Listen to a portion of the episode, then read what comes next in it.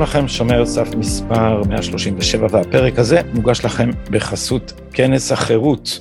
רוצים להוריד את יוקר המחיה, לפתוח את השוק לתחרות, לעמוד על זכותכם לבחור אלטרנטיבות חינוכיות לילדיכם, אם כן, מקומכם איתנו, הרשמו לכנס החירות, ובואו לשמוע את שר החקלאות עודד פורר, את הלל גרשוני מחבר הספר כסף של אחרים, פרופסור יונתן דובי ועוד רבים רבים אחרים.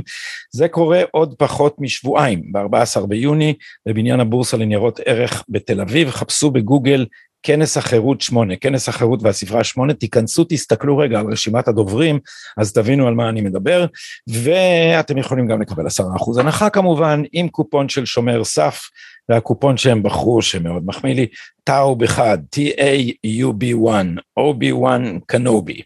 והיום אני שמח לארח בפעם השנייה את דוקטור יובל שטייניץ. יובל, שלום. ערב טוב. אתה היית שר האנרגיה, היית שר האוצר, היית שר לענייני אה, מודיעין, שר למודיעין ועניינים אסטרטגיים, וגם החזקת את תיק איראן בממשלה אה, עד אה, ערב הסכם הקבע על הגרעין, ולצורך ה...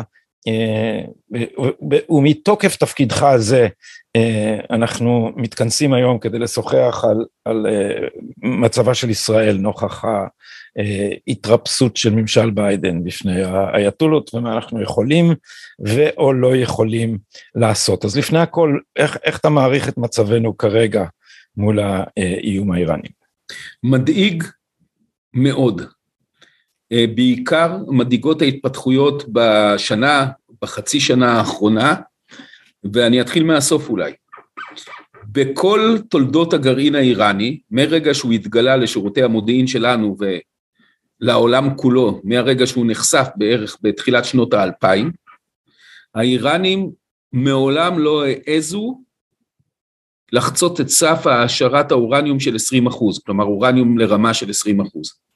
עכשיו צריך להבין, בהעשרת אורניום זה מחולק עקרונית לשלוש רמות, רמה נמוכה, שזה העשרה ברמות של שלושה וחצי, ארבעה, מקסימום חמישה אחוז, רמה בינונית שזה נחשב משהו 20 עד 30 אחוז, ורמה גבוהה שזה כל דבר ש... מעל 30 אחוז, כלומר 60 אחוז זה כבר רמה גבוהה מאוד, זה כבר כמעט שם. כמעט שם, כמעט ברמה של נשק. כמעט ברמה של מה שנקרא חומר בקיע, אורניום בקיע, שאפשר להפוך אותו לפצצת אטום, לנשק גרעיני. גם עם הסכם או בלי הסכם, גם לפני שטראמפ פרש מההסכם, גם לפני שהיה בכלל הסכם, הסכם גרעין ב-2010, 2011, 2012, הם העשירו רק ל-20 אחוז, הם לא העזו לחצות את סף ה-20 אחוז, גם בלי הסכם. אחרי ההסכם בכלל הם ירדו על פי ההסכם לשלושה וחצי אחוז, אבל גם אחרי שטראמפ עזב את הסכם הגרעין, ב-2018, לפני ארבע שנים, הם לא העזו לחצות את סף ההשערה של 20 אחוז. הם חזרו להשערה בינונית של 20 אחוז, אבל הם לא העזו לה, להגיע להשערה גבוהה.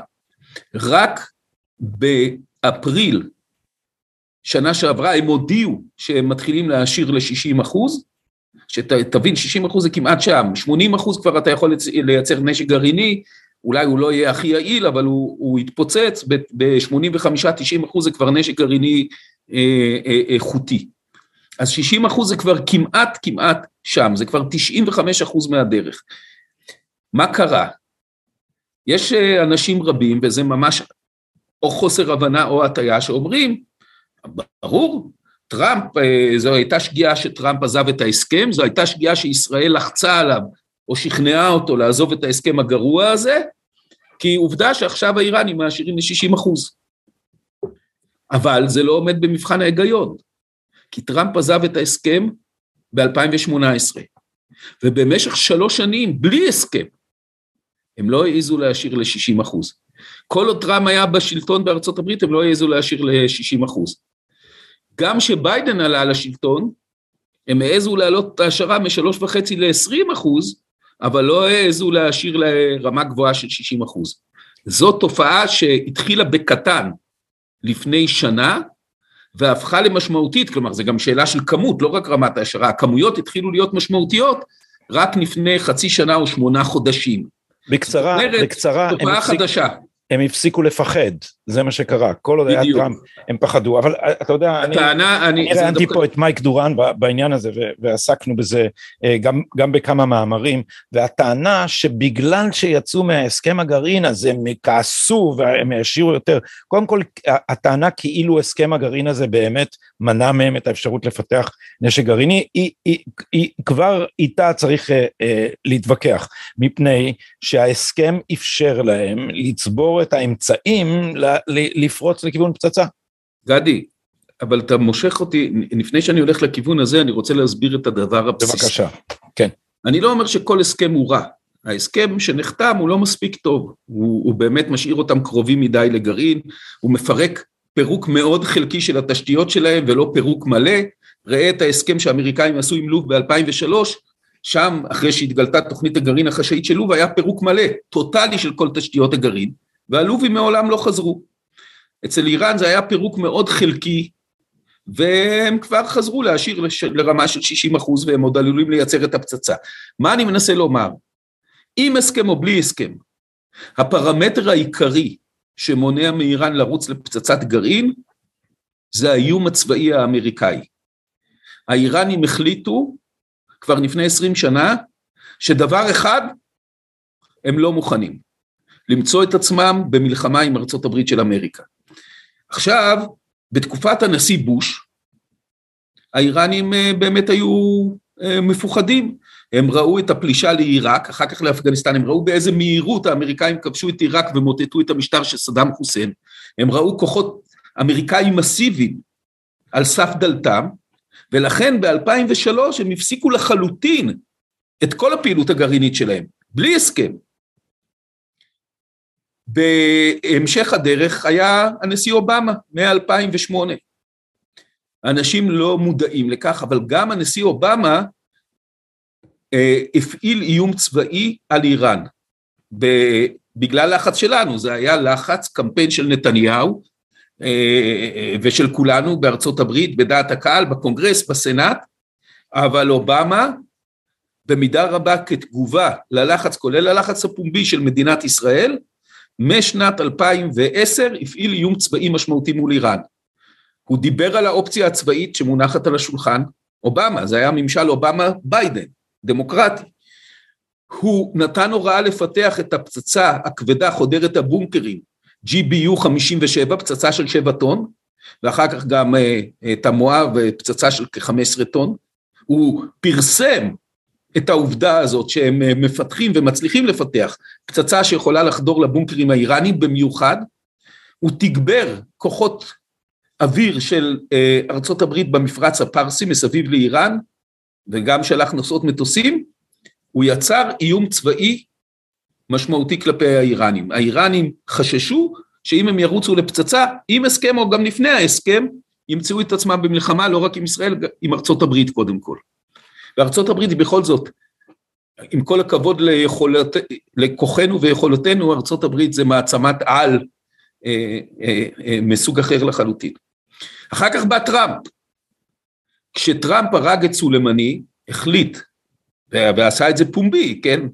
מעל המקפצה כמו שאומרים, הרג את מספר ארבע, הורה לחסל את מספר ארבע בהיררכיה האיראנית. זה לא שאפשר לעשות את זה באופן סודי, נכון? לא יודע, אפשר, ל... היו גם דברים אחרים בעולם בעבר, אבל טראמפ עשה את זה בגאווה, איך אומרים, מהמקפצה, הודיע על זה והתגאה בזה. האיראנים אמרו לעצמם, עם הנשיא הזה אנחנו לא רוצים להסתבך. לא יודעים מה תהיה התגובה שלו, מסוכן מדי לשחק איתו ולרוץ איתו לפצצה. ואז הגיע ביידן. ובפעם הראשונה, הם גם חיכו קצת לראות מה קורה, האיראנים הרגישו שהאיום הצבאי הולך ומתפוגג ושארצות הברית לא באמת מוכנה ולא מתכוננת לפעול צבאית מולם, גם אם הם ילכו ויתקרבו לפצצה. זה הפרמטר הכי חשוב, כי בלי הסכם, אם האיראנים חוששים מהאמריקאים, הם לא רצים לפצצה, ועם הסכם, אם תוך כדי ההסכם איראן הייתה מניחה שהיא יכולה עכשיו לרוץ לפצצה בלי להסתכן במתקפה אמריקאית, היא הייתה שמה פס על ההסכם. מה הדוגמה הכי טובה? זה מה שקרה עם צפון קוריאה. וגם לצפון קוריאה היה הסכם עם ארצות הברית, עם פירוק רק חלקי, לא מלא, אלא חלקי, של תשתיות גרעין באופן מאוד חלקי, ב-2007 נחתם איתה הסכם, ובשלב מסוים, שהיא העריכה שארצות הברית לא תפעל נגדה צבאית, היא שמה פס על ההסכם וייצרה נשק גרעיני. זאת אומרת, אני לא מזלזל בחשיבות של הסכמים או של סנקציות כלכליות, אבל הדבר הכי בסיסי הוא קודם כל האיום הצבאי. עכשיו, אני רוצה לומר, אמרתי שאני לא מזלזל בסנקציות כלכליות. האיום הצבאי הוא הכרחי וחשוב שממשלת ישראל תלחץ על הברית לחדש אותו. הוא הכרחי כדי שהאיראנים יבינו שאם הם רצים לפצצה, והם כבר עשו חצי מהריצה לפצצה, שאם הם ממשיכים לרוץ לפצצה, הם מוצאים את עצמם במלחמה עם ארצות הברית, ובזה הם לא רוצים להסתבך. אבל יובל, הממשל הזה רוצה את ההפך. איזה, מה זה ללחוץ על ארצות הברית שתעשה איום צבאי? הממשל הזה רוצה פייסנות מול איראן. יש לו פילוסופיה שלמה שאומרת שמה שצריך לעשות זה ל, אה, אה, ליצור איזון חדש במזרח התיכון על ידי זה שניתן לאיראן להתחזק, אז אין, זה חסר שחר רעיון שאנחנו יכולים לא, אה, אתה, לשכנע אתה, אותם. אתה צודק וטועה. אתה צודק שיש בממשל הזה אידיאולוגיה או קונספציה שאפשר להתפייס עם איראן. זה כמו שאצלנו הייתה הקונספציה של הסכמי אוסלו, שגם אני האמנתי בה עד שהתבדיתי, שאם רק נעשה ויתורים לפלסטינים, אה, אה, אה, נחיה איש תחת גפנו ותחת תאנתו ויגור זאב עם כבש. אבל עשינו ויתורים לפלסטינים ובתמורה קיבלנו טרור והסתה במקום שלום ושלווה. גם ממשל אובמה, הקונספציה הזאת של להתפייס עם איראן, איזו התפייסות היסטורית, התחילה עוד בממשל אובמה. תסתכל על הנאום של אובמה באו"ם ספטמבר או אוקטובר 2013, שרוחני נבחר והגיע לאו"ם והתחיל המשא ומתן בין המעצמות, בין ה-P5 פלוס 1, ארה"ב ושאר המעצמות, פלוס גרמניה, מול איראן. רוחני, אה, אובמה הוא הנואם הראשון שם בעצרת האו"ם, כמו תמיד, הוא מושיט יד של שלום לאיראנים. הוא אומר, בוא נתחיל בתהליך של הסכם גרעין שיוביל להתפייסות כללית בעתיד, נתגבר על משקעי העבר. אבל עדיין, בגלל הלחץ הישראלי, באותה נשימה הוא מזכיר שהאופציה הצבאית היא עדיין על השולחן. הוא אמר משהו כמו, כל האופציות על השולחן. לא. הוא אמר אופציה צבאית? הזה, הוא אמר על האופציה וואלה, הצבאית. אוקיי. ואז רוחני שמדבר כמה שעות אחריו... מה הוא אמר, יובל, מה, מה הוא אמר? אני רוצה להזכיר שהאופציה הצבאית גם היא עדיין מונחת על השולחן. אה, אוקיי. ואז רוחני שנפגע מזה, כי היה ביניהם כנראה איזה תיאום מוקדם, כי הם רצו להיכנס לאיזה משא ומתן ואיזה דיאלוג משני הצדדים, ואז רוחני נאם במה שנתניהו כינה מתקפת החיוכים, ובאמת בהתחלה המתקפה הזאת מאוד הצליחה, הוא רק נבחר לנשיא והוא הפסיק לדבר על השמדת ישראל והפסיק לדבר על פגיעה בארצות הברית ואפילו הפסיק להכחיש את השואה, אז זה נשמע הרבה יותר, הוא נשמע הרבה יותר ידידותי לאוזניים הערביות מה שאחמדינג'אד מפניו, הנשיא הקודם, ואז רוחני עולה לדבר כמה שעות אחרי אובמה, והוא מדבר כאילו הוא מתחרה עם אימא תרזה על הדאגה לשלום העולם ולבני כל אה, אה, המין האנושי, הדתות והאומות, ממש מתחרה עם האימא תרזה, אוטוטו הוא היה שר את שיר השלום של ג'ון לנון, כן, באו"ם, תנו צ'אנס לשלום, ואז במהלך הנאום שלו הוא מעיר הערה, הוא אומר, מישהו דומיננטי דיבר לאחרונה, כלומר הבוקר, על האופציה הצבאית. אלה דיבורים מזיקים ולא מועילים. אני שם את זה בצד ואני אומר, יש צ'אנס לשלום, תנו יד לשלום. לשלום ולמשא ומתן עם איראן, והגרעין שלנו הוא רק לצרכים אזרחיים, זאת הייתה עמדתי תמיד ועמדתה של איראן. עכשיו, למה אובמה נקט בקו הזה? אני אומר לך במידה רבה בזכותנו. בזכותנו, אני מתכוון קודם כל בזכות בנימין נתניהו. הלחץ שאנחנו הפעלנו על ארצות הברית, השאלות בקונגרס, דעת הקהל האמריקאית, המאמרים בעיתונות, הרעיונות. אה, נתניהו היה אז כמובן הפיבוט. אני כשר אה, שמופקד על העניין, כשר מודיעין ועניינים אסטרטגיים שקיבל את התיק האיראני, אני, התפקיד שלי, אין לי נוכחות תקשורתית כמו נתניהו, שהוא באמת אה, באותה תקופה צבר נוכחות תקשורתית בינלאומית חסרת תקדים בתולדות ראשי הממשלות בישראל. התפקיד שלי היה להוסיף ממד של העמקה של מקצועיות לכל הטענות שלנו נגד ההסכם ומה צריך לעשות כדי לשפר אותו, ואז פרסמתי מאמרים בניו יורק טיימס, בוול סטריט ג'ורנל, בפיננשל טיימס, והתראיינתי המון, וגם הופעתי בקונגרס ובסנאט. ותחת הקמפיין שאנחנו עשינו בהובלת נתניהו, שהיה לי חלק קטן בו, הצלחנו לגרום ללחץ אדיר על הממשל, והממשל היה צריך להוכיח שהוא מייצר איום צבאי מול איראן, ושאין מצב שאיראן תגיע לנשק גרעיני בלי לפגוש את ארצות הברית בדרך. בוא תגיד לנו קצת, בוא תגיד לנו רגע, רגע, יובל, יובל, בוא תגיד לנו רגע. משא ומתן בדיעבד. כן. בוא תגיד לנו רגע מילה על איך פועל הלחץ הזה, למה הלחץ הזה עובד? הלחץ הזה עובד כי בניגוד לעצה או להחלטה של יאיר לפיד, שאת אה, חילו, את ההבדלים בינינו אנחנו נלבן רק בחדרי חדרים, אז אנחנו יצאנו לקמפיין וזעקנו את זעקתנו, והזעקנו את כל העולם ואשתו, בכל העולם, אבל בעיקר בארצות הברית גופה. Oh. ואז שאני, אני אתן לך דוגמה ממני דווקא. פרסמתי יום אחד מאמר בניו יורק טיימס.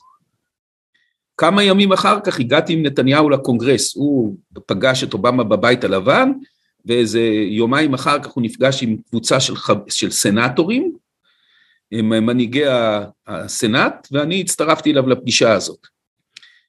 ותוך כדי הפגישה, שני סנטורים מנפנפים במאמר שלי ומספרים שהם שאלו את נציגי הממשל איך עונים לביקורת של שטייניץ.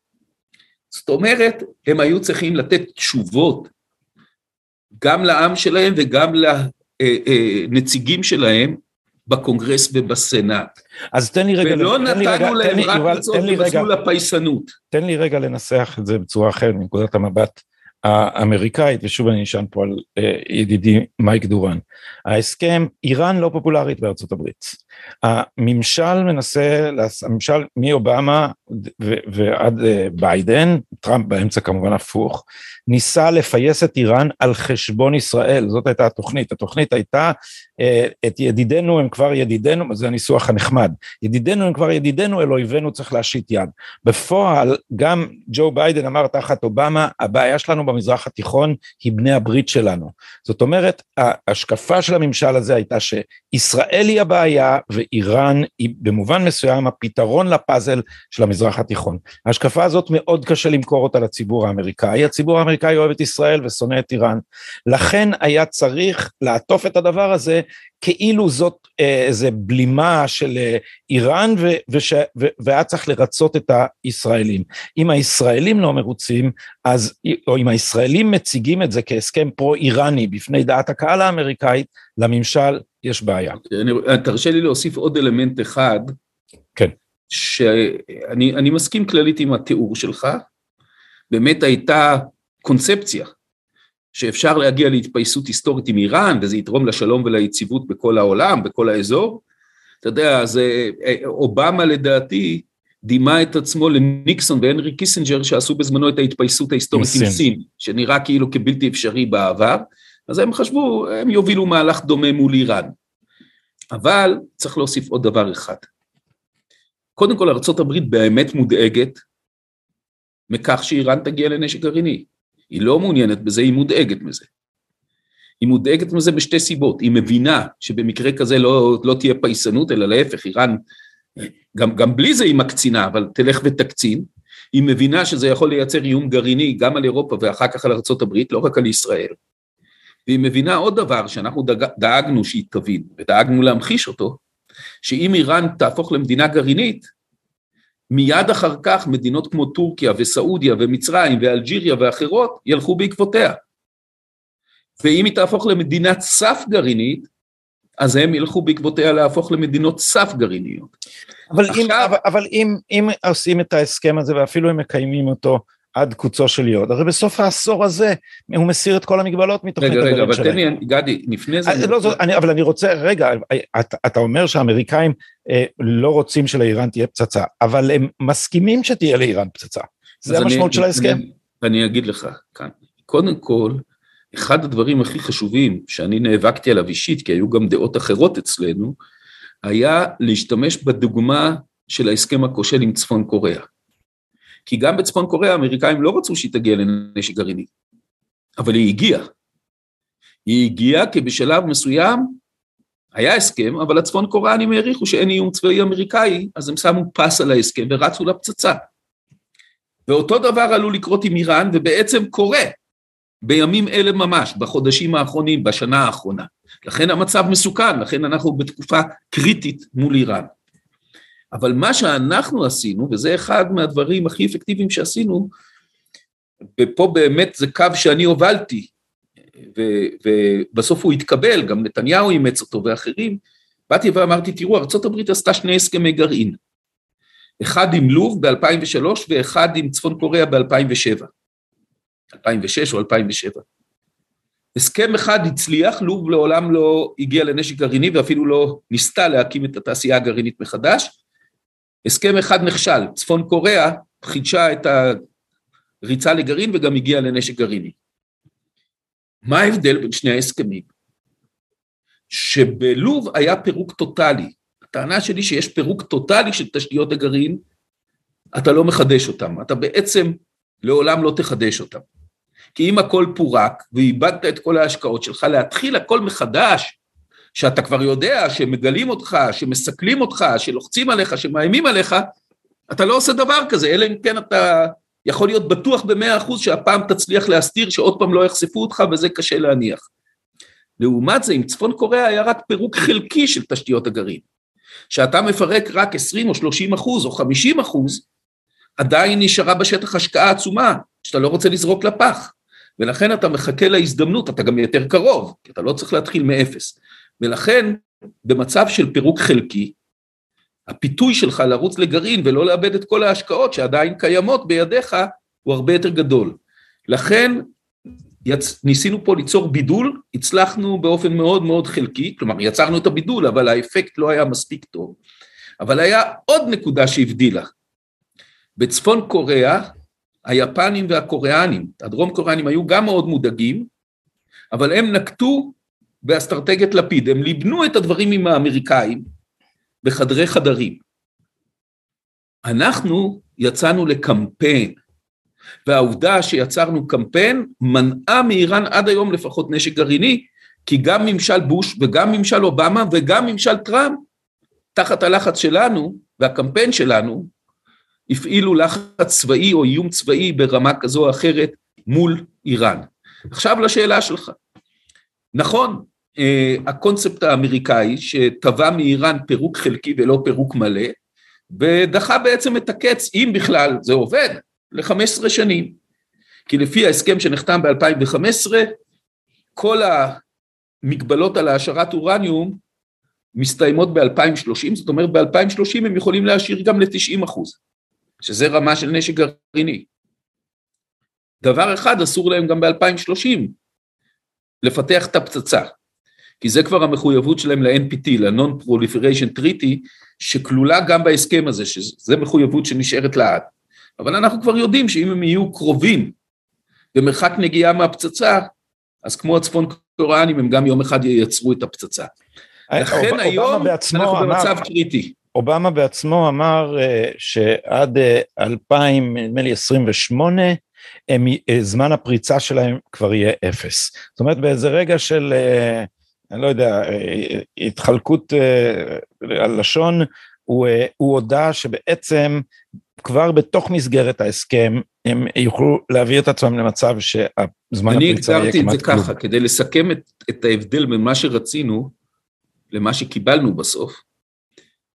ובו בהסכם גם יש כמה דברים טובים שהם רק בזכותנו, בזכות מדינת ישראל. כל הדברים הטובים שיש בהסכם הגרוע הזה, כי יש שם כמה אלמנטים טובים, המכלול הוא גרוע, אבל יש שם כמה הישגים, כל הדברים הטובים שיש שם זה הכל בזכותנו, לא היה קורה, בלעדינו ההסכם עוד היה גרוע הרבה יותר.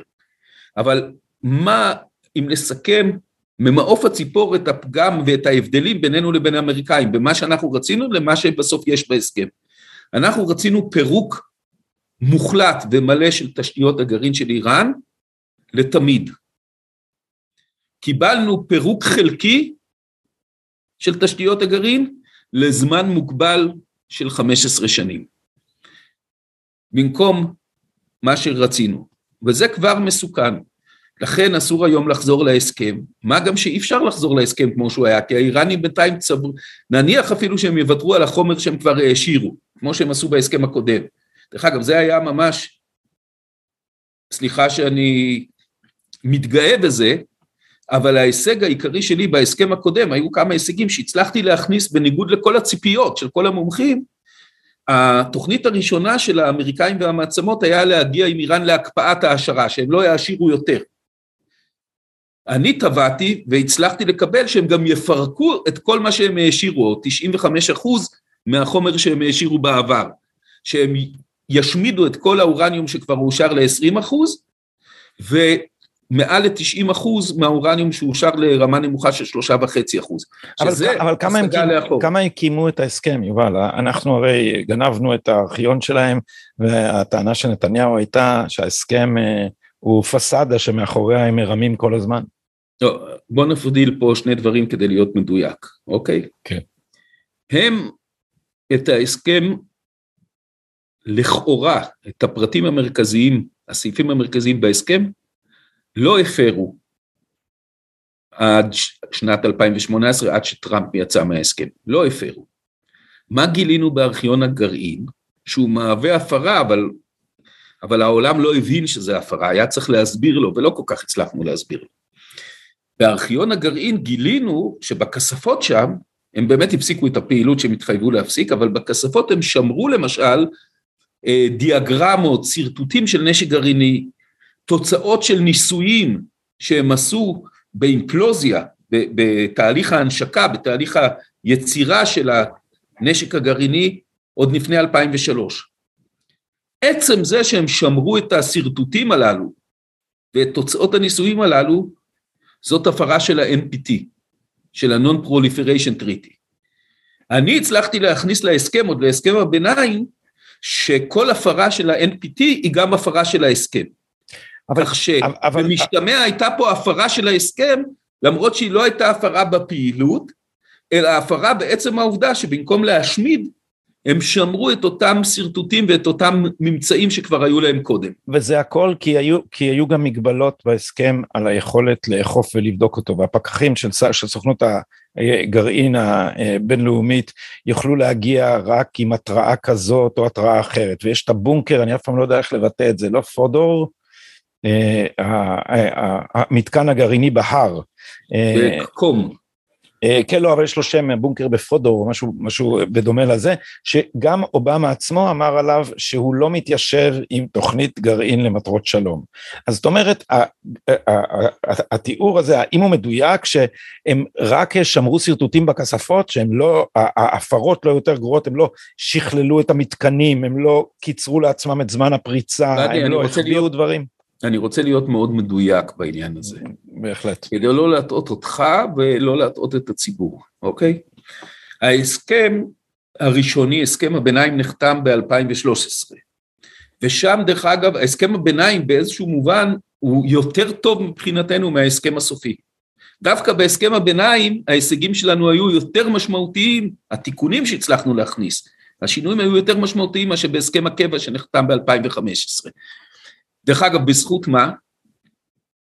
בזכות הקשר שהצלחתי ליצור עם הצרפתים, עם שר החוץ הצרפתי פביוס והיועץ לביטחון לאומי של צרפת עוד דיבר, כי כבר שההסכם היה כמעט סגור והאמריקאים כבר לא הסכימו לשמוע אותנו, וגם כבר היה טקס חתימה, כבר כולם uh, היו בדרך לג'נבה לחתום, כולל האיראנים, הצלחתי בדקה ה-90 לשכנע את פביוס ועוד דיבר לחזור בהם מהסכמתם ולהציב אולטימטום.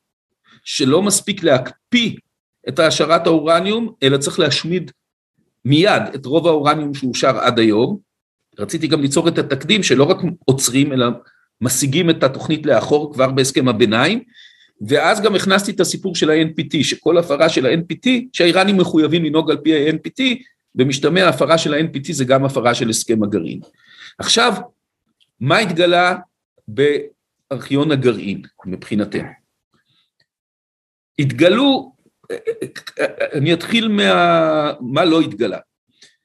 הם לא העשירו מעל לשלושה וחצי אחוז מאז ההסכם, הם לא, הם באמת השמידו את כל האורניום ברמה של 20 אחוז ו-90 אחוז מהאורניום ברמה של שלושה וחצי אחוז, הם לא עברו את ה-180 קילו ברמה נמוכה, שזה המגבלה ששמנו עליהם, לפני זה היו להם כבר כמה טונות.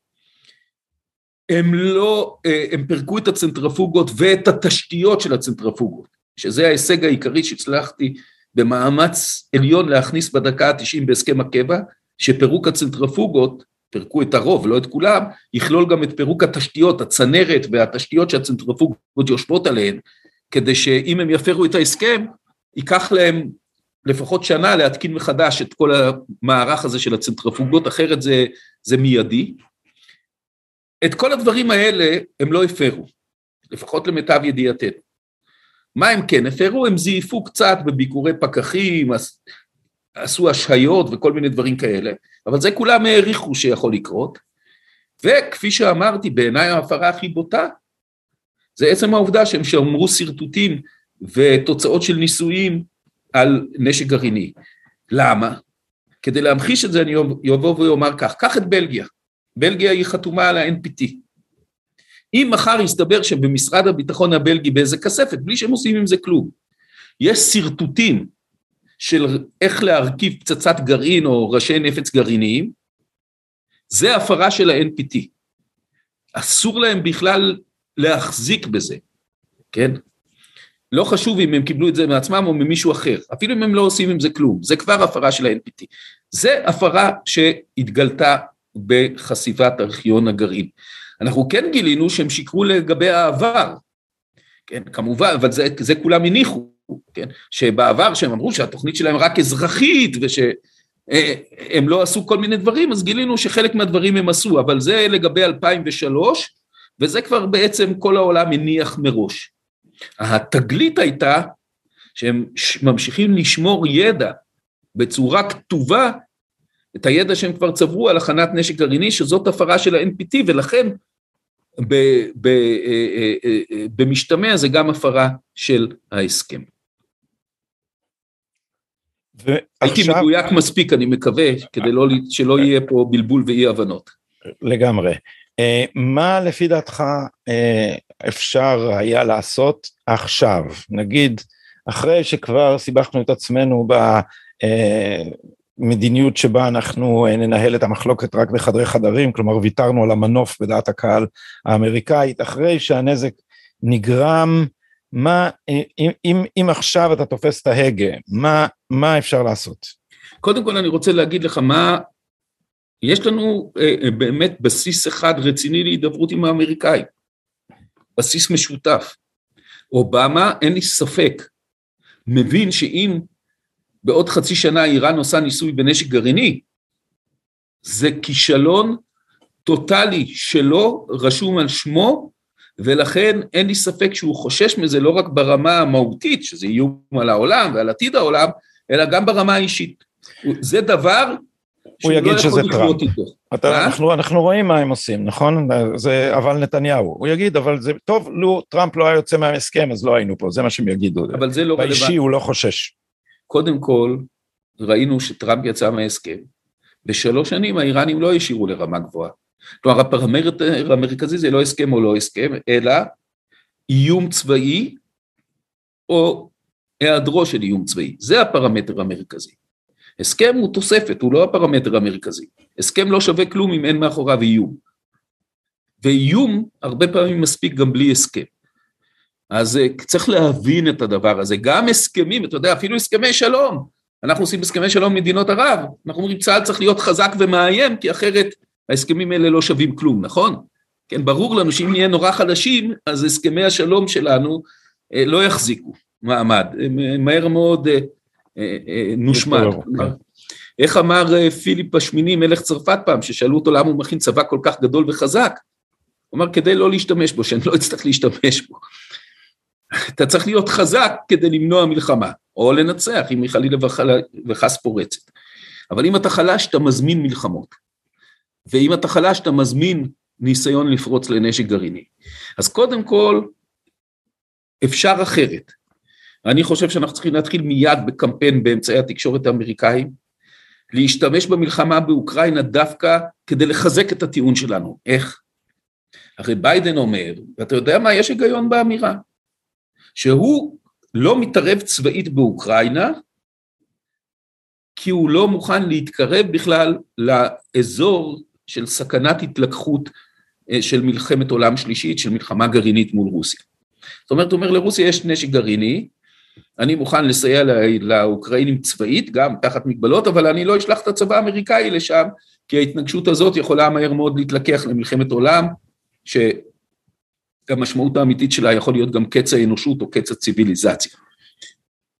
טיעון תקף מבחינה לוגית רציונלית.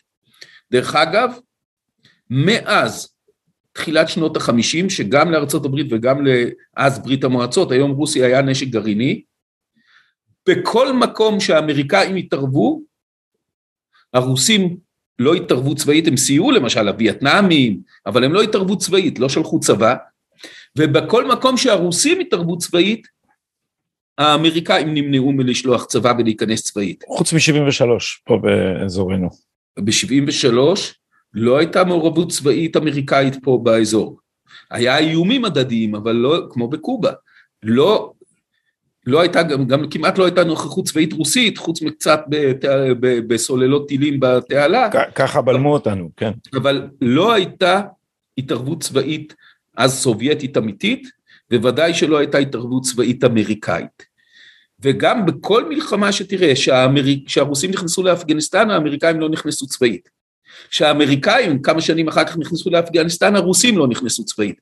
כלומר באמת העיקרון הברזל הזה ששתי מעצמות העל, מבחינה גרעינית לפחות, כי רוסיה היא כבר לא מעצמת על מבחינה כלכלית, אבל אה, אה, מבחינה גרעינית, כל אחת נרתעת מלהיכנס לאזור שהשנייה כבר פעילה בו.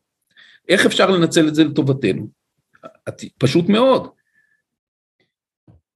אם אתם כל כך מורתעים עכשיו מלהתערב באירופה בגלל האיום הגרעיני של רוסיה, איראן עוד לא גרעינית.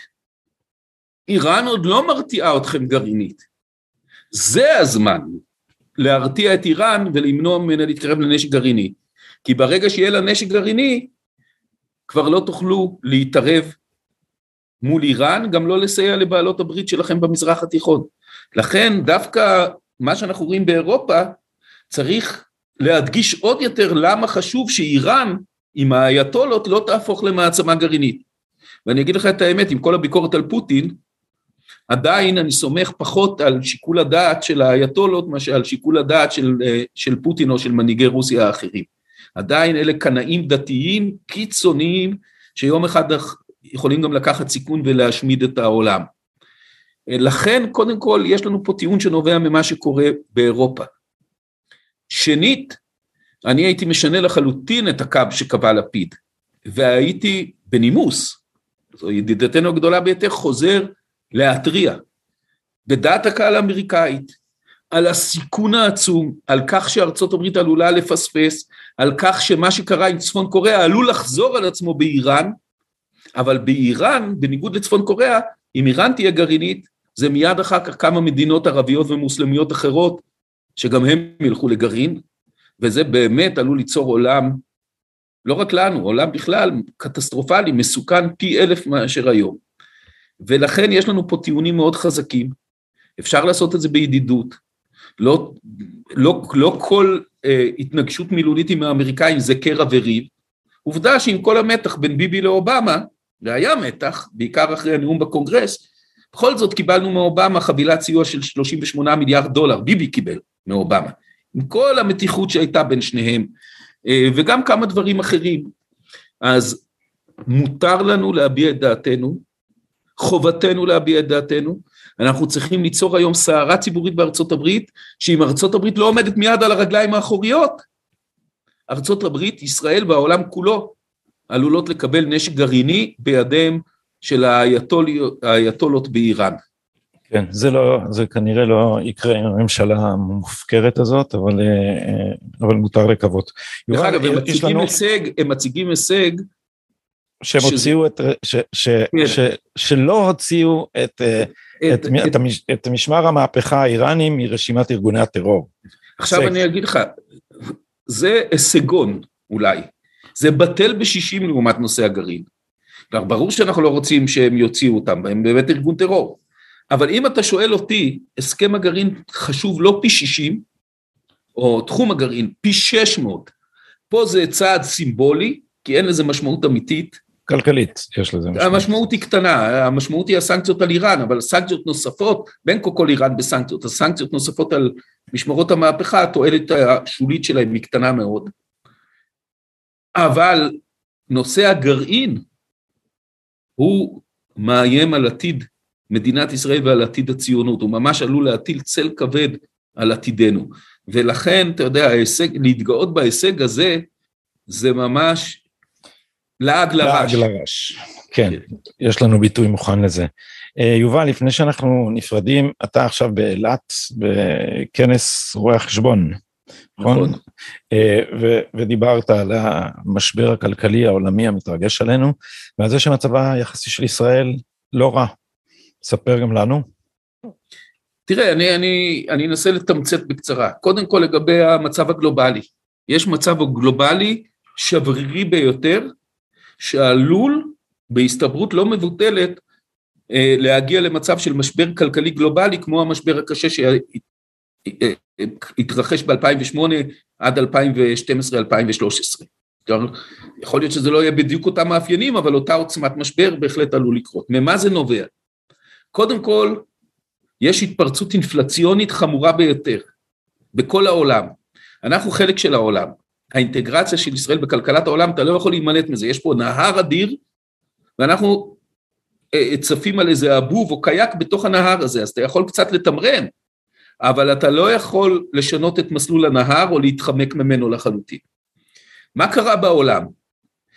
ב-12 השנים האחרונות שמאז המשבר, תחילת המשבר של סוף 2008, מה שקרוי המשבר הגלובלי, הבנקים המרכזיים בכל העולם, בעיקר בארצות הברית ובאירופה, הדפיסו כמויות אדירות של כסף.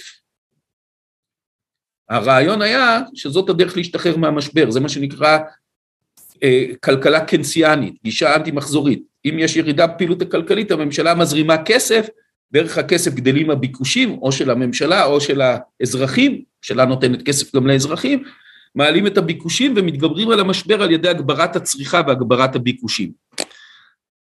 היו רק שתי מדינות בעולם המפותח שלא נקטו באסטרטגיה הזאת. גרמניה וישראל. אני כשר אוצר דחיתי את האסטרטגיה הזו ואמרתי שאנחנו נצא מהמשבר לא על ידי הגדלת הצריכה, אלא על ידי הגדלת כושר הייצור, על ידי השקעות והגדלת כושר הייצור של מדינת ישראל. ובאמת היה לנו גידול מדהים בשנים 2010-2012 של 36 אחוז בהשקעות הריאליות, בכלכלה הריאלית, בשעה שבארצות הברית ואירופה וכל העולם הייתה נפילה. אצלנו היה גידול של 36 אחוז, וזה מה שחילץ אותנו מהמשבר. הגידול הזה, שאני לא אכנס עכשיו לאיך הצלחתי להתניע אותו, התקציב הדו-שנתי היה לו חלק בזה, הקבלה ל-OECD היה לה חלק בזה, הזהירות הכלכלית, השמרנות הכלכלית שנקטנו בה היה לה חלק בזה. נעזוב את זה רגע בצד. בכל העולם הדפיסו כמויות אדירות של כסף, והמשיכו להדפיס גם בתקופת הקורונה. עכשיו, זה לא גרם לאינפלציה בעשור האחרון, כי הייתה גם התפתחות כלכלית חיובית בכל העולם, וכמות הסחורות או ערך הסחורות הייצור של, של, של מחשבים, של צ'יפים, של מכוניות, של מטוסים, של כמעט כל דבר בעולם, גם הוא עלה. אז היה לך מצד אחד יותר כסף ומצד שני יותר מוצרים ויותר סחורות ואיכשהו זה נשמר. בשלוש שנים האחרונות הכל השתבש. כמות הכסף המשיכה לעלות, אבל בגלל שנתיים של קורונה, הייצור ושרשראות הייצור בכל העולם נפגעו. הם נפגעו כי לא הייתה ספנות ולא הייתה, וגם לא הייתה תחבורה אווירית. הם נפגעו בגלל הסגרים ההמוניים בכל מקום בתקופה אחרת. הם נפגעו כי פתאום לא היו צ'יפים למכוניות, כי ייצרו פחות צ'יפים או פחות היה אפשר להעביר אותם. וכך הלאה והלאה. ואחרי כל זה, עוד יש לנו את המלחמה באוקראינה שגרמה לשיבוש חמור ביותר בכל אירופה, ובעקבות זה בכל העולם, בעיקר בשני פרמטרים, בפרמטר של אנרגיה ובפרמטרים של אה, מזון. זאת אומרת, פתאום בשנתיים וחצי האחרונות, כמות הכסף ממשיכה לעלות ולצמוח, כבר יש הר של כסף בכל העולם, וכמות הסחורות יורדת. ולכן זה מצב קלאסי שמחייב אינפלציה. אני בקיץ הקודם הזהרתי שהממשלה העבירה תקציב, הזהרתי שהולכת להיות התפרצות אינפלציונית בכל העולם וגם בישראל, ואני זוכר בוועדת כספים גם, שאמרתי את זה, כולם אה, חייכו ואמרו מאיפה אתה מביא את זה, איך אתה כל כך בטוח, אמרתי תראו זה ייקח חצי שנה מקסימום שנה, זה חייב לקרות, זה מתמטיקה, זה לוגיקה בסיסית, והנה אנחנו רואים שזה קורה בכל העולם וגם אצלנו, וזה לא הסוף, זה כנראה ההתחלה, אם המלחמה באוקראינה לא תיגמר מהר ואירופה לא תחזור לחיים תקינים ונורמליים, כולל בין אירופה לרוסיה, והירידה בייצור הסחורות בכל העולם תימשך, המשבר אה, ימהר לבוא והוא עשוי להיות צונאמי, משבר קשה בכל העולם וגם בישראל. למה לא מצבנו לא יותר טוב? כן. למה מצבנו יותר טוב? בגלל כמה דברים. כמובן שאחד הפרמטרים המרכזיים תעשיית ההייטק שלנו, שבאמת היא, היא צומחת בבום אדיר, כולל בתקופת הקורונה, המשיכה לצמוח לתדהמת כולם. זה כמעט בלתי נתפס. אבל הדבר השני שהציל אותנו מהמשבר, זה מתווה הגז או הגז הטבעי. ואנשים לא מבינים כמה זה מהותי. כלומר, גם לפני המשבר היה ברור שמתווה הגז כבר זה הצלחה עצומה. המחיר שאנחנו משלמים ב... ליחידת גז הוא בערך 4 דולר היום בישראל, באירופה המחיר הממוצע, עוד לפני, המש... לפני המלחמה באוקראינה כבר הגיע ל-15-20 דולר. בסין חלק מהמפעלים הפסיקו לעבוד כי לא היה מספיק גז טבעי ולא היה מספיק חשמל, אז הממשלה הורתה לחלק מהמפעלים בשנה שעברה לסגור את שעריהם לכמה חודשים. תראה כמה עמוק זה. עכשיו, אצלנו, מה עשה הגז הטבעי? מעבר להכנסות של משהו בין 10 ל-20 מיליארד שקל כל שנה לממשלה. בשנה שעברה, שנת 2021, לפי הנתונים של הממשלה הנוכחית, שפרסמה כבר הממשלה הנוכחית, המשק הישראלי חסך 65 מיליארד שקל בזכות הגז הטבעי. מה זה אומר? זה קודם כל בערך 30 אלף שקל לכל משפחה בישראל. זה אומר שהאינפלציה אצלנו נמוכה הרבה יותר, כי בניגוד לגרמניה, מחירי החשמל אומנם עולים עכשיו בכמה אחוזים, אבל לא במאות אחוזים, לא מכפילים או משלשים אותם, כי יש לנו אנרגיה זולה, יש לנו גז טבעי כחול לבן בזול. באירופה היום גז טבעי נוזלי עולה 30 דולר, פה לא רחוק מאיתנו, ביוון, באיטליה, ואנחנו מקבלים ב-4 דולר. אז מחירי החשמל שלנו עולים קצת בגלל שעדיין יש קצת פחם, אבל רוב החשמל הוא בגז, ובזה אין עלייה. דבר שני, זה סכום של כמעט 30 אלף שקל, זה חלק גדול מהצמיחה ומהעובדה שאין פה אבטלה. אם לא היה לנו את הגז הטבעי, אם לא היינו מפתחים את שדות הגז והיינו משאירים אותם תקועים בים, כמו שרצו חלק מהשמאלנים, היינו צריכים לייבא בשנה שעברה תשומות אנרגיה נוספות ב-80 מיליארד שקל, או גז טבעי, או פחם או נפט כדי להפעיל את תחנות הכוח וגם את התעשייה. המשמעות היא שבמקום לצמוח בשמונה אחוז בשנה שעברה, בגלל שזה תשומות אנרגיה מיובאות, שאיתן אתה מייצר, אתה צריך להוריד את זה מהצמיחה. לפחות את התשומות שהולכות ל- ל- לייצור הכלכלי ולא לצריכה. לפי החישובים השונים, הצמיחה הייתה יורדת במקום שמונה אחוז לאזור השלושה עד ארבעה אחוז. זאת אומרת, גם רוב הצמיחה הכלכלית שלנו בשנה שעברה נבעה מזה. גדי, 65 מיליארד שקל חסכנו כמדינה רק בשנה שעברה בזכות הגז הטבעי, זה יותר מכל תקציב הביטחון השקלי שלנו. זה בערך כמו המח... תקציב רע"מ לחמש שנים. כן, לפי, דרך אגב, לפי המחירים היום, אם המצב יישאר, מחירי הנפט והגז כל כך גבוהים היום בעולם, אם זה יישאר כך עד סוף השנה, השנה החיסכון כבר יהיה יותר מ-100 מיליארד שקלים למדינת ישראל. זאת אומרת, מה ששומר אותנו באינפלציה יחסית נמוכה של 4 אחוז, ולא של בין 10 ל-20 אחוז, בצמיחה יחסית גבוהה ולא במשבר כלכלי ואבטלה, זה במידה רבה מאוד, בנוסף לבום בהייטק, הגז הטבעי. אז אם עד לפני שנה חשבנו שזה דבר טוב מאוד שקרה לנו, היום אני יכול להגיד לך, נס קרה לנו, שהצלחנו להוציא את הגז הטבעי מהים, ואם זה לא היה קורה, היום כבר היינו באינפלציה גבוהה ומשבר כלכלי קשה ביותר. חבר הכנסת דוקטור יובל שטייניץ, תודה רבה לך על השיחה הזאת. אנחנו אה, נוסיף ונתייעץ בפורום הזה, אני מקווה בימים טובים יותר, כשאתם תשובו לאחוז בהגה והממשלת ההפקרות הזאת אה, תעבור מחיינו. תודה רבה לך שאתה מקדיש זמן לשומר סף מאילת הרחוקה. פרופסור גדי טאוב. עוד לא? כנראה לא. דוקטור? דוקטור, דוקטור גדי טאוב, מספיק מכובד בעיניי. תודה רבה לך על הפודקאסט הנהדר הזה ועל ההזדמנות להעמיק קצת בשני תחומים חשובים של הגרעין ושל המקרו-כלכלה. לכבוד ולעונג, בשביל זה אנחנו כאן. לילה טוב. לילה טוב.